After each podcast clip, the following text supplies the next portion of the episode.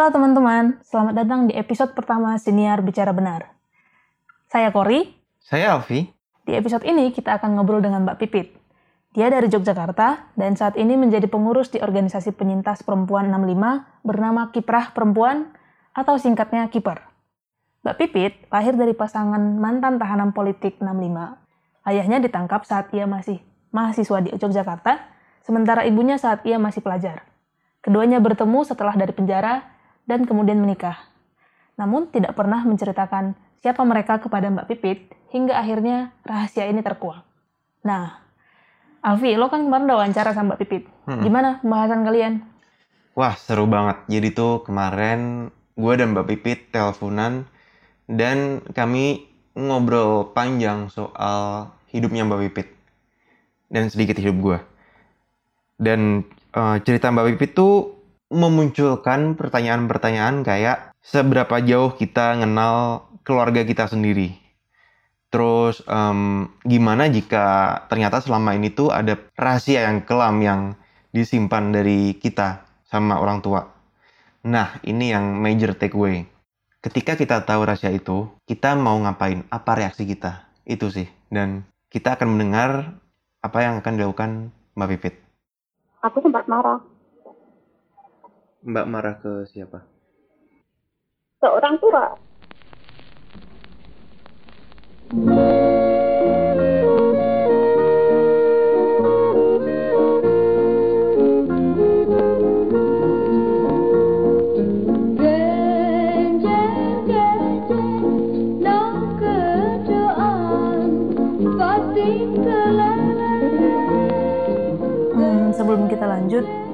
lo boleh jelasin dikit nggak konteks 65? Oke, jadi 30 September sampai 1 Oktober 1965 itu ada gerakan yang namanya Gerakan 30 September.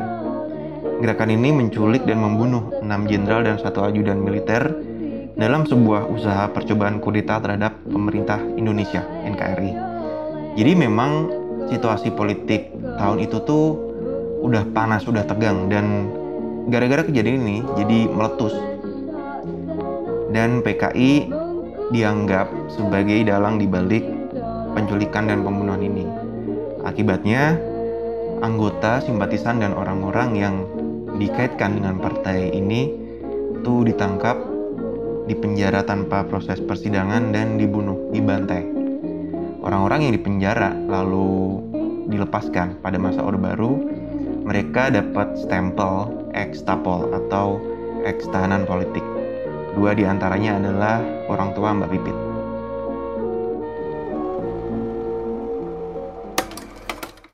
saya itu Pipit Ambar Mirah saya putra dari eh, Pak Leo Mulyono dan Bu Deborah Oniponira yang ternyata kedua-duanya adalah eh, Tapol 65 bapak saya itu em, ditahan 14 tahun sampai di Pulau Buru ibu saya pun demikian ditahan 14 tahun sampai di Pelantungan dan saya lahir sih tahun 80-an. Saya lahir tahun 81, Fe- eh, Februari 81. Jadi saya sebenarnya tidak mengalami peristiwa 65 itu. Tapi saya kemudian menyadari bahwa saya mendapatkan dampaknya sampai saat ini. Ketika saya kecil, saya sebenarnya bapak ibu saya tidak pernah bercerita bahwa mereka berdua ini seorang tapol atau X65. Jadi eh, saya masa kecil sih biasa-biasa saja, tapi memang ketika kecil saya merasakan ada beberapa tetangga yang tidak suka dengan saya meskipun saya tidak melakukan kesalahan gitu. Jadi eh, mereka itu tidak suka ketika saya bermain dengan anak-anaknya. Terus kemudian ketika kami bermain pun anak-anaknya sering ketika kan kalau anak kecil bermain itu mesti ada yang kalah, ada yang menang ya kadang-kadang. Nah Hmm. ini ketika ketika saya yang menang, mereka akan marah dan kemudian beberapa me, mengejek saya dengan nama eh, mengejek saya kafir kafir seperti itu. Jadi dulu saya sering di, dikatai sebagai kafir gitu. Bentar, gue mau nanya sesuatu. Lo tau nggak hubungan peristiwa 65 sama sebutan kafir? Kayaknya nggak tahu deh. Apa? Eh, jadi itu berasal dari narasi komunis adalah ateis. Dan narasi ini yang gerakin orang-orang beragama untuk memusuhi orang-orang PKI. padahal kan nggak juga ya, kan ada Haji Misbah yang gabungin komunisme dan ajaran Islam pada masa kolonial dulu. Ya, betul. Tapi ya soalnya ini dipropagandakan. Pada Desember 1965, Pusat Sejarah ABRI menerbitkan buku yang judulnya 40 Hari Kegagalan G30S 1 Oktober 10 November. Buku ini mengajukan argumen bahwa dalang dibalik penculikan dan pembunuhan tujuh perwira militer adalah PKI. Dua tahun kemudian, lembaga yang sama menerbitkan versi bahasa Inggris buku tersebut. Tujuannya supaya menjadi rujukan dunia internasional dalam memahami peristiwa dan tragedi yang terjadi pada tahun 1965. Beberapa poin yang ditambahkan dalam versi ini adalah argumen bahwa komunisme merupakan ideologi ateis dan penekanan bahwa orang Indonesia adalah masyarakat yang percaya kepada Tuhan, sehingga komunisme tidaklah cocok untuk diterapkan di Indonesia karena bertentangan dengan Pancasila. Pemerintah Orde Baru mengerahkan proyek-proyek untuk mengimplementasikan kandungan ideologis dari narasi anti komunis ke dalam domain-domain yang lebih praktis, seperti penetapan Hari Kesaktian Pancasila, pembuatan monumen Pancasila Sakti dan Museum Lubang Buaya, indoktrinasi pelajar melalui kurikulum pendidikan, dan yang paling efektif adalah pembuatan film Pengkhianatan G30S PKI.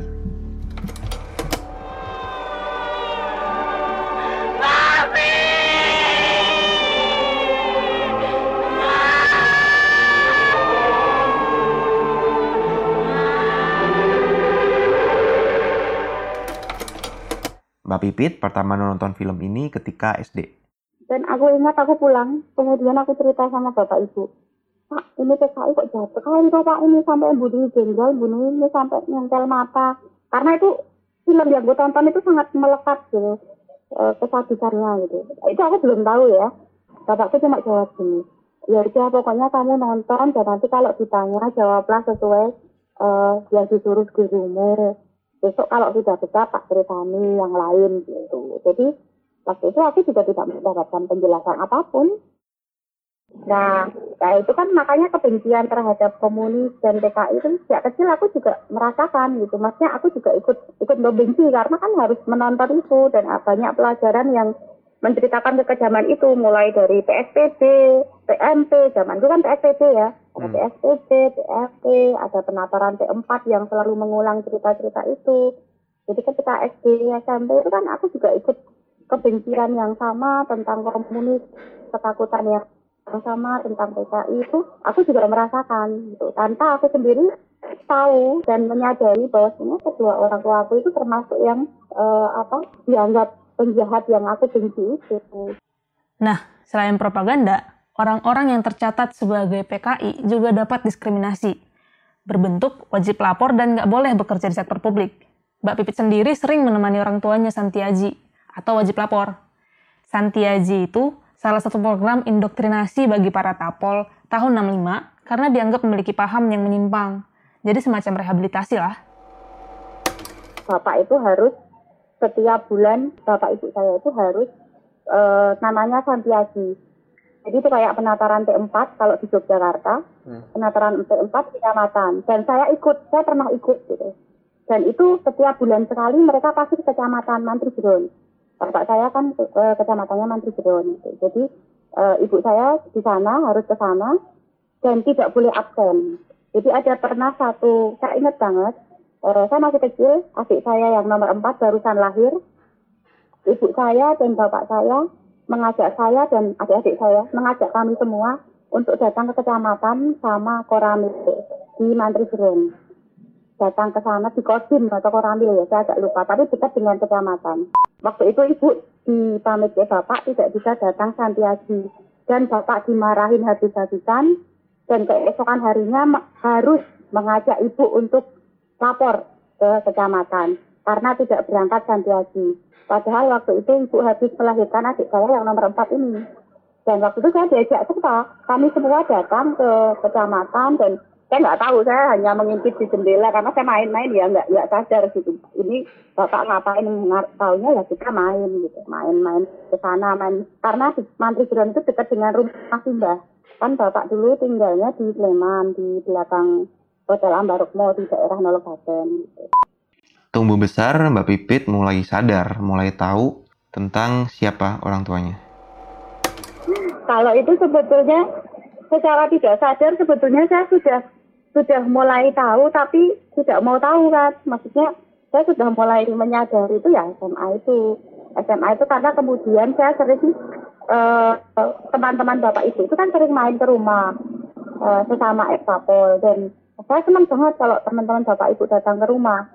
Karena gimana ya kayak kayak dapat saudara baru gitu. Jadi hubungan hubungan kami meskipun dia tidak ada hubungan darah dengan bapak ibu tapi nganggap saya sama adik saya itu baik banget gitu loh. Kayak saudara gitu. Jadi saya merasakan hubungan kedekatan melebihi keluarga sih seperti itu ketika teman-teman bapak ibu datang. Dan kemudian beberapa teman ibu itu cerita ke saya bukan ibu saya yang cerita ya ibu saya malah nggak berani cerita.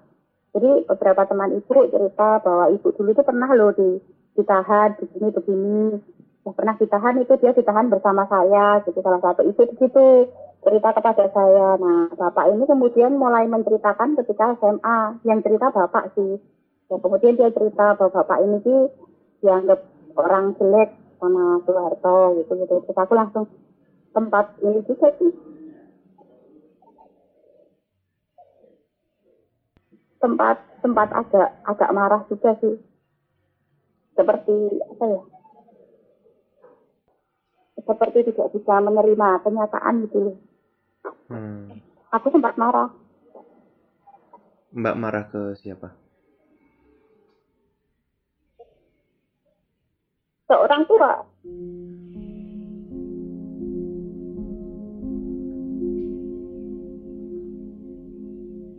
aku sempat marah seorang tua.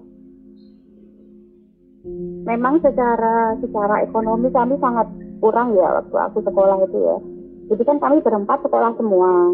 Bapak itu hanya buruh jadi benar-benar sangat pas banget untuk untuk makan gitu. Dan eh, aku kan juga seperti anak-anak kecil lain ya kadang kepengen beli ini beli itu. Tapi ya tapi juga menyadari bahwa itu tidak memungkinkan gitu. Jadi sempat marah dengan kondisi ekonomi sih menurutku karena masih kecil masih belum paham. Marah itu sih. Kan, kan aku dan adik-adikku itu kalau jatahnya misalnya kan kita sekolah di sekolah ya. Di sekolah itu kan ada bayar SPP dan segala macam. Itu selalu kami terlambat untuk membayar. Dan itu malu sekali rasanya. Itu sih yang membuat kadang yang aku teringat marah gitu.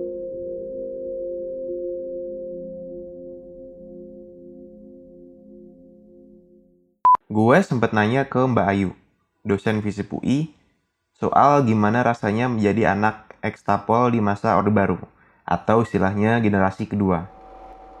Kalau saya sih dari nggak hanya dari eh, kajian yang waktu itu singkat kita bikin 6 bulan sampai satu tahun waktu itu, tapi dari interaksi-interaksi sebelumnya dan di sekitar saya, justru saya melihat generasi kedua ini, yaitu anak ya, generasi kedua ini justru menutup diri ya, lebih banyak menutup diri. Kalau di generasi pertama yang dialami adalah fisikal dan sesuatu yang sesuatu yang mereka alami langsung gitu ya. Kalau generasi kedua itu yang mereka alami lebih sosial, lebih ke aspek sosial. Sehingga bentuk stigmatisasi, bentuk marginalisasi, bentuk diskriminasi itu real dialami oleh generasi kedua.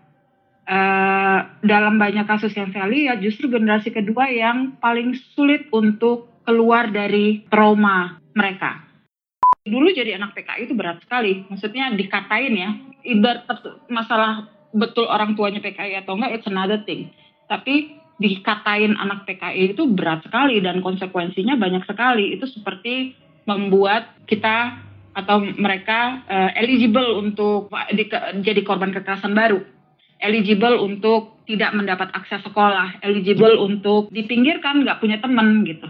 Jadi konsekuensinya banyak sekali sehingga kekhawatiran kalau mereka punya anak atau menikah identitas mereka kemudian kebuka itu luar biasa ya sampai hari ini bahkan masih ada yang eh, masih tidak tidak mau ya eh, mengkait-kaitkan dengan orang tua dan lain-lainnya. Waduh, gue nggak bisa bayangin sih beratnya jadi anak ekstapol di masa Orde Baru berkuasa. Tiap hari dikatain anak PKI sama teman-teman sendiri. Kalau Mbak Pipit gimana? aku lulus SMA itu dengan sudah paham siapa aku. Aku sudah paham latar belakangku, siapa bapak dan siapa ibu. Dan kemudian aku semakin menyadari bahwa berarti pilihanku terbatas gitu. Jadi aku karena selama SD, SMP, SMA itu banyak hal yang diceritakan bahwa ketika kamu adalah anak dari ekspor, XPKI atau 65, maka kamu nggak punya kesempatan apa pun gitu. Dan kamu tidak bahwa kamu tidak akan bebas mencapai semua cita-citamu gitu. Jadi ketika aku SMA itu aku sempat sempat dan juga itu makanya kemudian aku tadi cerita bahwa aku sempat marah dengan orang tua, sempat sempat agak kemudian aku menarik diri menjadi pendiam dan tidak tidak berkumpul dengan yang lain. Aku kemudian merasa berbeda dengan orang lain. Bahwa wah tuh sudah ini nasibku berarti aku tidak bisa menjadi eh, pegawai apa pun yang aku inginkan di bagian pemerintah misalnya. Atau aku tidak bisa menjadi PNS atau aku nggak bisa jadi polisi. Itu ketika aku SMA lulus itu aku sudah sudah sudah sudah seperti itu. Sudah kemudian apa yang harus kulakukan? Ya wis ini sisanya kuliah ya wis lah. Kalau bisa kuliah tak kuliah ya wis. Cuman lurus aja kuliah saja. Gitu. Akhirnya ketika kuliah di awal itu aku juga sempat ngedrop. Karena aku lulus aku masuk di UGM kemudian.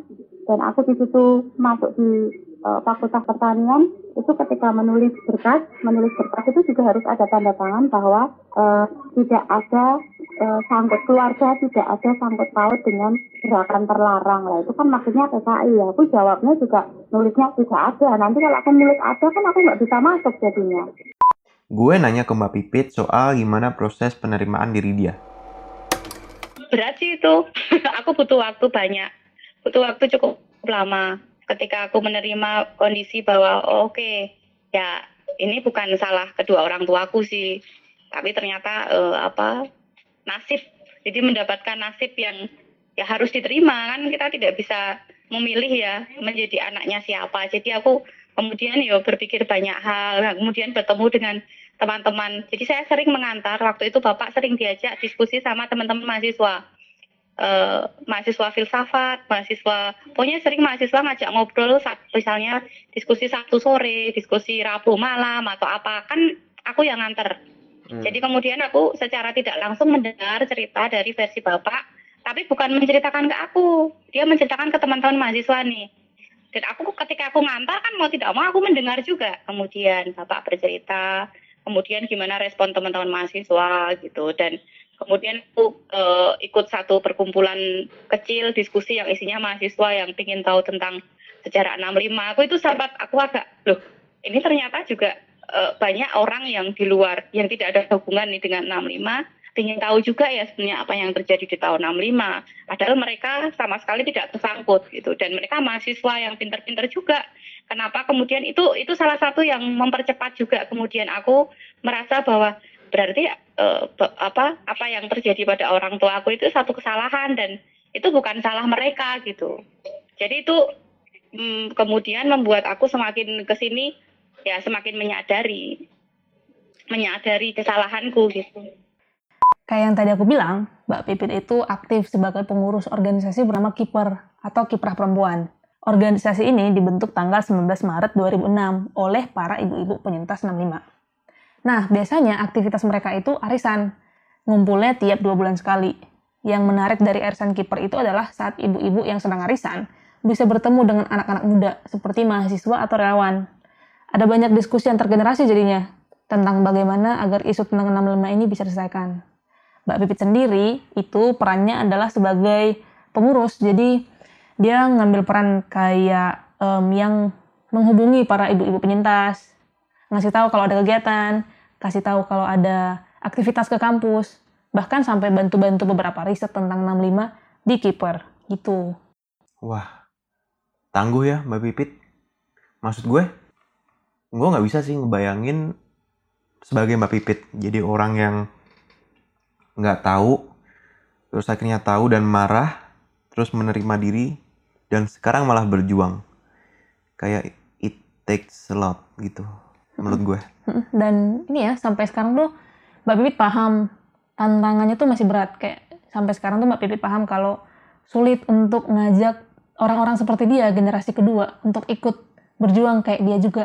Dan dia paham itu prosesnya lama tapi Hmm. masih tetap aktif untuk bikin kegiatan-kegiatan kayak gitu. Berusaha supaya satu persatu orang-orang bisa mulai gabung ke organisasi ini. Gitu sih. Nah, Mbak Ayu itu sebenarnya ngejelasin kenapa Mbak Pipit berani lantang, sedangkan generasi kedua yang lain itu takut. Pipit adalah eksepsional ya. Pipit mungkin eh, generasi kedua yang lebih muda ya. Artinya eh, Pipit eh, beraktivitas mungkin di dalam lingkungan sosial politik yang berbeda dengan lingkungan sosial politik sebelum 98. Untuk untuk generasi kedua yang eh, aktivisme atau eh, ruang produktifnya baru dibangun itu tahun-tahun 90-an atau 80-an, saya pikir akan lebih panjang ceritanya sampai mereka akhirnya mau menjadi bagian dari perubahan sosial. Kalau Pipit mungkin dia baru mendapat itu setelah 98. Jadi periodisasi itu juga menentukan seberapa Oh, dia akan berkontribusi atau eh, menutup diri. Tapi yang menarik lagi adalah generasi ketiga.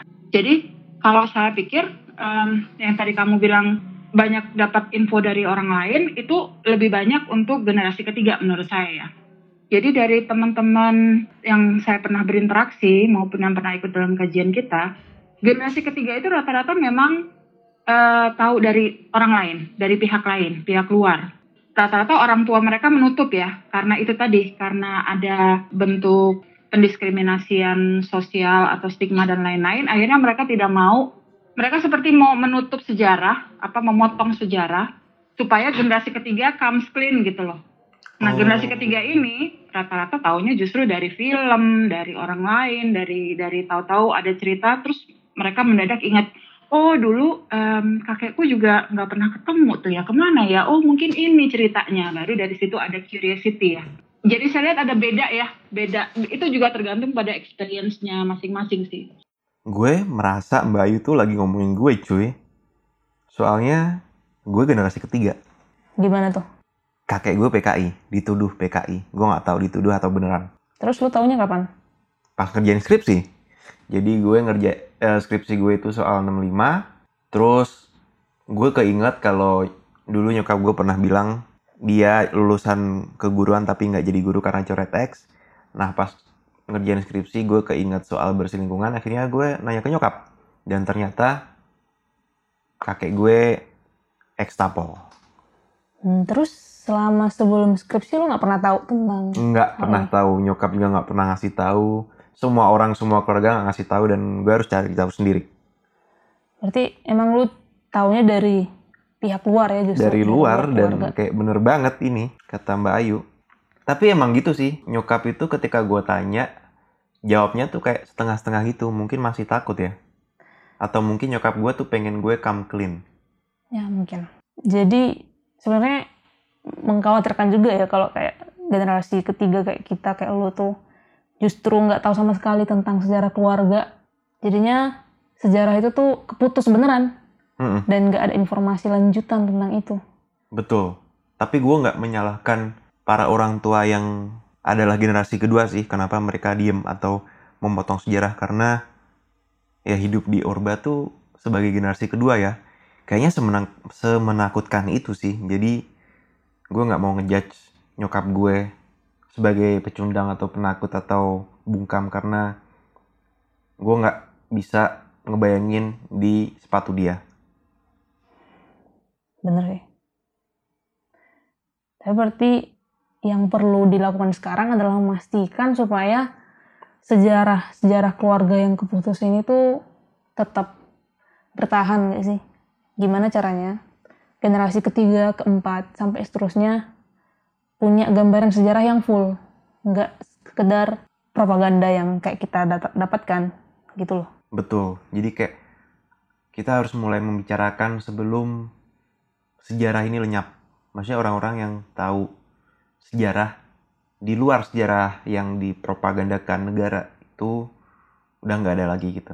Mm, Dan sayangnya kurikulum sekolah kita masih sama dari Mm-mm. mulai zaman generasi kedua. Itu sayang sih. Jadi butuh alternatif pengetahuan lain di luar sekolah formal. Atau seperti yang dilakukan Mbak Pipit ke anak-anaknya. Jadi jadi Mbak tuh kayak ada perjalanan dirinya dari mulai nggak tahu, terus mulai men- menyadari, terus membenci, dan Mhm. akhirnya memahami keluarga ayah dan ibu. Mm, mm, Dan sekarang Mbak sendiri jadi Iya. seorang ibu. mm, mm. Gimana cara Mbak Iya, mendidik dua anak Mbak? karena aku tadi udah bilang bahwa aku menyadari sistem pendidikan belum berubah sama sekali dari mulai tingkat dasar sampai atas gitu. Kemudian aku dan suamiku, suamiku dia juga generasi kedua sama sepertiku. Eh, kami berdua sepakat bahwa anak kami akan dididik berbeda dengan apa yang telah kami alami, didikan yang telah kami alami. Mereka mereka kemudian aku sekolahkan salah satu cara mendidikku kemudian dengan suamiku kemudian adalah menyekolahkan mereka ke sekolah yang tidak membuat mereka menjadi robot dan tukang hafal. Jadi aku menyekolahkan mereka ke salah satu sekolah yang aku percaya untuk men- eh, apa yang diberikan pendidikan apa yang diberikan kepada anak-anakku gitu dan kemudian aku juga menceritakan apa yang terjadi eh, terhadap simbahnya. Bapakku itu pelukis. Jadi dia punya banyak lukisan dan ketika anakku bertanya, ini kenapa bu lukisannya kok seperti ini bu Simbah kok? Jadi pernah anakku bertanya, kok Simbah di penjara kenapa ibu gitu? Karena dia mendengar Simbahnya cerita bahwa dia dulu pernah di penjara gitu. Aku juga cerita bahwa Simbah dituduh melakukan perbuatan yang tidak benar, dituduh gitu. Ada orang yang jahat menuduh Simbah sehingga Simbah harus masuk penjara. Jadi penjelasan-penjelasan kecil ini sejak kecil sejak sejak dia kecil dan dia tanya aku jelaskan tapi dengan bahasa dia gitu jadi aku tidak menutupi latar belakang simbahnya Eh, apa yang bisa anak muda lakukan untuk isu 65 ini? sering kali ya saya ketemu dengan orang yang ternyata setelah dia men-trace lagi sejarah keluarganya ternyata ada kaitannya dengan 65 either sebagai apa korban atau eh, pelaku bahkan atau mungkin yang hanya bystander atau orang yang punya keterlibatan atau pembiaran dan sebagainya. Tapi pasti ada itu. Jadi saya pikir yang pendidikan mendidik kritis itu dimulainya mungkin dari keluarga ya. Kalau misalnya anak-anak muda bisa lebih aware dengan keluarganya sendiri, sejarah keluarganya sendiri, pasti aja ada yang saking saking besarnya 65 ya, dia mempengaruhi hampir semua keluarga di Indonesia kan eh, peristiwa itu. Tapi kalau misalnya kesadaran itu atau kekritisan itu bisa dimulai dari situ, mungkin akan lebih mudah apa eh, kakinya untuk masuk ke dalam sepatu korban, sepatu orang lain. Empati ya. Setiap orang pasti punya peran lah. Anak muda pasti punya peran juga. Eh, siapa pun dia, selama tingkat kesadaran kritisnya udah sampai di situ, dia paham ada yang salah dengan resiliensi atau ada yang salah dengan bangsa ini ya, eh, ada yang tidak tuntas dengan kebangsaan kita dalam konteks eh, keadilan masa lalu, maka sekecil apa pun ruang atau peluang yang dia punya, mestinya bisa tetap dia manfaatin. Karena kita nggak perlu yang besar, konsolidatif dan massal gitu nggak. Kayaknya strategi itu udah udah lewat. Iya. Strategi yang sekarang kecil tapi intens dan mendalam. Dan ruang privat selalu ada, bisa di selalu bisa dikuatkan untuk tujuan itu.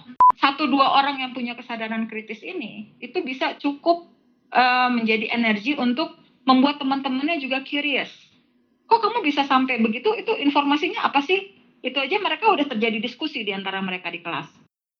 Jadi, kalau kita belajar tentang pelanggaran HAM masa lalu di Indonesia itu, Alfi, kita tuh bisa merujuk ke bukunya KKPK yang menemukan kembali Indonesia. Di situ mereka tuh bikin pengkategorian pola kekerasan, pelanggaran HAM di Indonesia. Hmm. Nah, kalau kayak 65 tuh kita bisa bilang pola kekerasannya adalah pembasmian di mana orang yang banyak ini, ratusan ribu ini dibunuh secara langsung. Jadi ujungnya adalah kematian pada saat itu juga. Tapi bermacam-macam juga sih.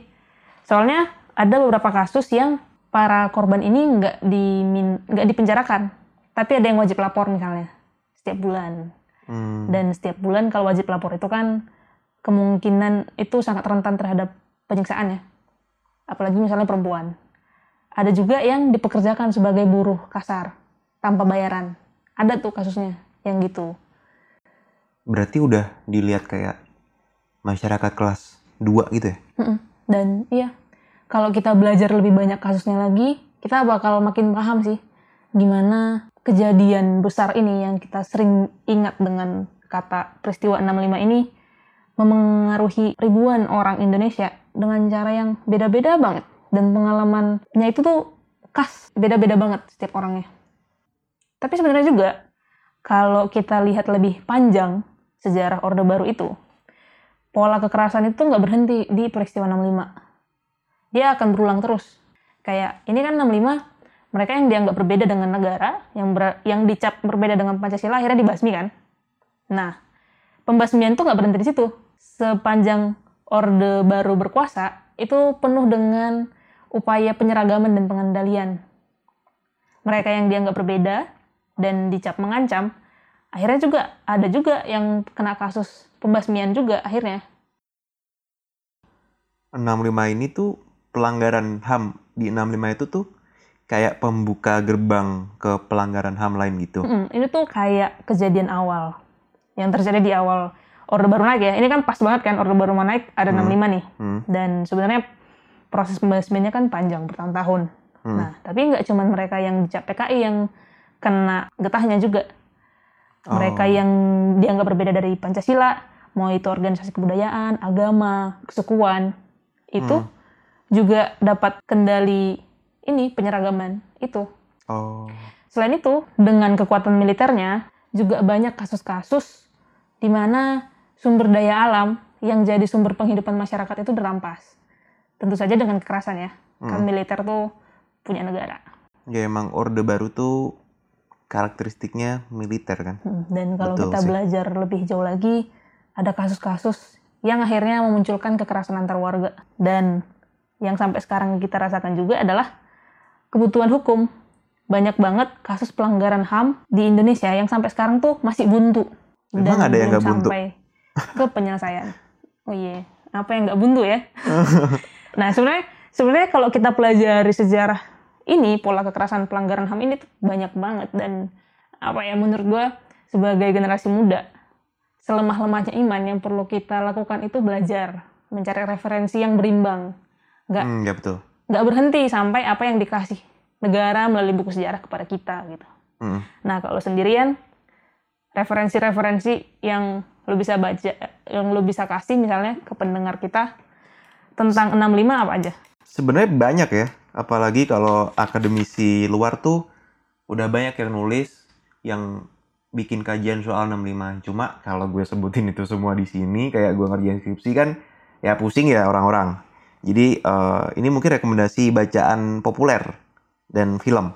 Nah kalau novel itu ada Pulang karya Leila Chudori itu keren banget. Terus Amba Laksmi Pamuncak ini gue suka banget sih karena alurnya agak kalem tapi menohok. Terus yang menurut gue ini kayak top ranking 65 kalau kita bicara soal 65 dan novel tentang 65 itu di ranking teratas gue adalah Ronggeng Dukuh Paruh. Karena lu pernah baca nggak itu? belum Harus baca karena wah gila nggak tau gue hmm, pengen gue bakar anjir habis kelar buku itu. Anyway, kalau film ada Jagal dan Senyap gratis di YouTube. Jadi nggak ada alasan ya. Gue nggak nonton kalau kalian udah ada curiosity soal isu ini. Terus Jagal sama Senyap film panjang. Nah kalau film pendek tuh ada Sowan, ada di. Lihat aja. Terus kalau film yang film feature gitu ada Surat dari Praha. Terus Sang Penari. Sang Penari ini sebenarnya eh, adaptasi dari Ronggeng Duku Paruk. Keren. Terus em, mungkin bacaan-bacaan ringan itu ada website Ingat 65. Itu soal refleksi-refleksi orang-orang kayak gue misalkan kayak gue dan Mbak Pipit.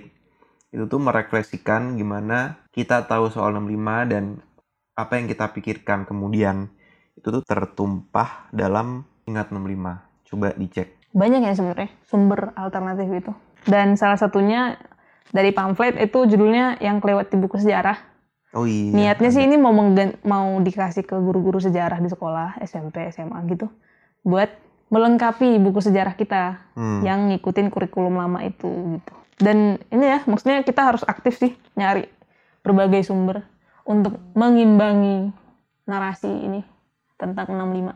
Dan kayaknya ini sih gue mau nekenin kalau kita nggak perlu awal tuh baca yang berat banget, yang serius banget, yang tebel banget gitu. Kayak nggak perlu cukup. Yang penting tertarik aja dulu baca apa pun yang bisa kalian baca soal isu ini. Atau langkah pertama yang bisa kita lakukan adalah mulai bertanya tentang identitas kita Oh dan iya, keluarga penting. kita. Ah. Coba deh, karena seperti kata Mbak Ayu ya, jadi 65 ini tuh jangkauannya luas banget, jadi kayak kemungkinan nih, mungkin gue nggak tahu angkanya berapa ya, tapi mungkin ada kali 4 atau 5 dari 10 keluarga kita sekarang, itu tuh masa lalunya ada hubungannya sama 65, entah kalian keturunan korban atau tersangka atau bystander, itu kayaknya saking masifnya peristiwa 65 kayaknya berhubungan deh. Coba tanya ke orang tua atau kakek nenek soal peristiwa 65. Tapi ingat jangan maksa karena kan kita nggak tahu juga nih apakah ada trauma orang-orang ini kakek nenek kalian. Jadi itu sih betul. Dan setelah kita tahu posisi kita di sejarah ini, nanti kita bisa merefleksikan apa yang bisa kita lakukan, apa yang harus dilakukan, Betul. dan selanjutnya dan selanjutnya. Apa sih yang Iya, iya. kiper harapkan dengan terus berusaha meneruskan cerita-cerita para penyintas ini ke generasi muda? cerita-cerita itu tidak hilang bahwa sejarah masa lalu itu perlu diketahui dan untuk dijadikan pelajaran serta menjadi langkah awal untuk perbaikan di masa depan itu itu yang kami pegang bahwa apa yang terjadi di masa lalu itu tidak bisa dilupakan dan jangan dilupakan tapi itu menjadi titik awal untuk eh, melangkah lebih baik karena kalau tentang masa lalu itu penting dan itu harus selalu diingat jangan dilupakan gitu itu menjadi langkah langkah untuk melangkah, langkah awal untuk melangkah ke depan yang lebih baik. Kalau tanpa melihat masa lalu, tidak akan pernah menjadi bangsa yang akan lebih baik karena dia tidak tahu asal mulanya.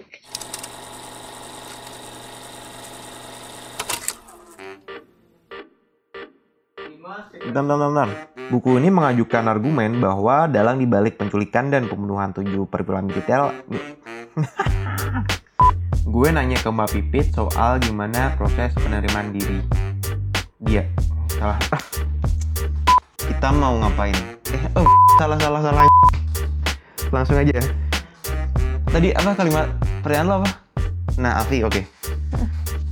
Gimana gue tadi kalimatnya?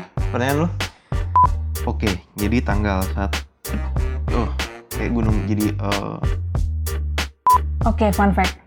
Kenapa Palu dan Arit? Jadi, simbol ini merepresentasikan orang kecil, petani pakai arit, dan buruh bangunan pakai palu. Dulu, anggota dan simpatisan PKI itu banyak dari orang-orang kelas bawah. Dan sayangnya, sewaktu pembantaian 65, orang-orang kecil ini juga yang paling banyak menjadi korban. Orang-orang yang mungkin hanya ikut-ikutan saja, yang mungkin bersimpati dengan partai politik yang memperjuangkan nasib mereka, tanpa tahu kemulut drama politik di tingkat atas. good